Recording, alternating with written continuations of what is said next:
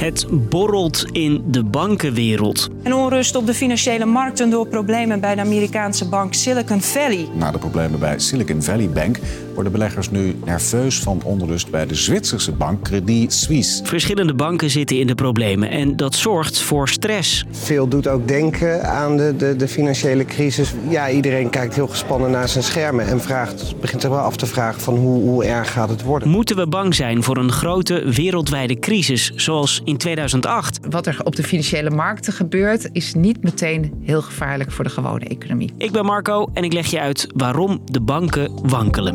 Lang verhaal kort. Een podcast van NOS op 3 en 3FM. 2008. Dat jaartal komt vaker voorbij. Ja, echt paniek. Je hoort mijn collega van de economieredactie, Eva Wiesing. Zo'n 15 jaar geleden deed zij verslag van de bankencrisis. Toen de ene na de andere bank als domino-steentjes omvielen. Het begon allemaal in Amerika. Banken daar leenden makkelijk en goedkoop geld aan mensen. Banken hadden gewoon veel te veel risico genomen. Uh, hypotheken verkocht, vooral in Amerika, aan mensen die dat helemaal niet konden betalen. En wie die hypotheek niet kon betalen, moest een huis uit. Toen de ene na de andere huiseigenaar zijn sleutel moest inleveren en de huizenprijzen daarin stortten, toen bleek dat die schulden verspreid waren over de hele wereld, verpakt in allerlei pakketjes noemden ze dat, rommelhypotheken. Al die banken hadden nauwelijks buffers om de klappen op te vangen en dus kwamen ze in de problemen. Lehman Brothers is going bankrupt. And financial markets from Asia to Europe are doing their utmost to prevent Monday from turning from dark to black. En ook in Nederland vielen de domino-steentjes om. ING moest gered worden met echt heel erg veel belastinggeld. ABN AMRO, Fortis werden genationaliseerd. Veel van die banken konden gered worden met hulp van de Nederlandse overheid. Maar het had wel een flink prijskaartje. Het zorgde wel voor een wereldwijde recessie. En ook hier in Nederland uh, enorme werkloosheid uh, die snel omhoog ging. Dus echt veel ellende.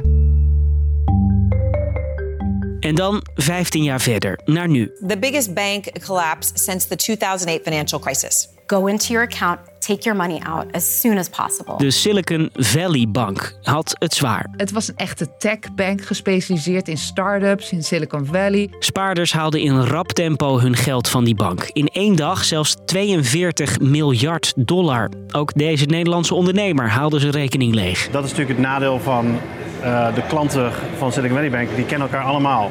De geruchtenmolen draait. Maar zoveel geld in één keer uitkeren, dat redt de bank niet. De dollars stonden niet klaar op een rekening, maar waren al ergens anders in geïnvesteerd. En er werd niet goed genoeg gecontroleerd of het allemaal wel oké ging. Spoiler, ze staken hun geld vooral in hetzelfde. Dat is dus nogal eenzijdig ook nog geïnvesteerd, al dat geld wat ze daar hadden staan. En toen het minder lekker ging met de techsector, moesten, dat, moesten ze de investeringen aanspreken, verkopen enorme verliezen hebben ze daarop geleden. En toen begonnen ook de klanten die daar lucht van kregen hun geld weg te trekken. En zo viel de Silicon Valley Bank om. En daarna nog eentje bijna in Zwitserland. Credit Suisse, die werd gered. Al zat het bij deze bank wel wat anders. Die bank die kwakkelt al jaren. Uh, moest een half miljard boete bijvoorbeeld betalen door fraude, omkoping, uh, miljardenverlies uh, door een paar verkeerde klanten die ze, waar ze gewoon niet goed hadden opgelet. Dus toen Silicon Valley Bank failliet ging, dachten klanten: oei, hier gaat ook niet goed, ik haal mijn rekening leeg.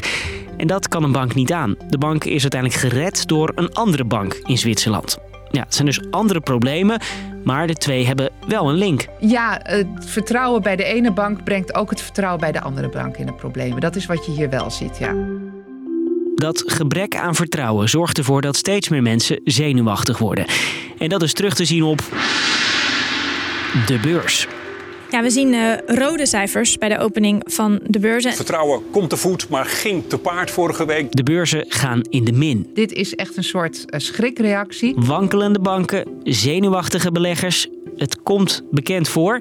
En toch is dit anders dan 15 jaar geleden. Banken moeten nu veel en veel meer geld in kas houden, hogere buffers uh, uh, aanhouden. De regels zijn op alle op, opzichten verscherpt. Regels zijn dus strenger sinds die grote crisis.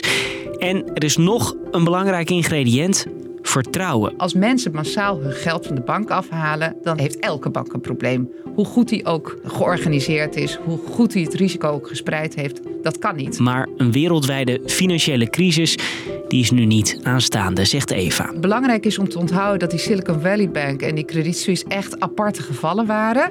Uh, zwakke banken. Andere banken hebben echt duidelijk hun uh, boeken veel beter op orde. En dus lijkt het erop dat die domino-steentjes nog even blijven staan. Dus, lang verhaal kort. Het is onrustig in bankenland. De Silicon Valley Bank viel om en Credit Suisse heeft hulp nodig om overeind te blijven. Al dat gedoe heeft ook effect op banken in ons land. De aandelen op de beurs dalen flink. Toch lijkt het er niet op dat we in een nieuwe crisis terechtkomen. Banken hebben in de tussentijd veel geleerd en nieuwe regels moeten ervoor zorgen dat de boel overeind blijft. En dat was hem weer. Wil je nou reageren? Stuur dan een mailtje naar lvk.nos.nl. Thanks voor het luisteren.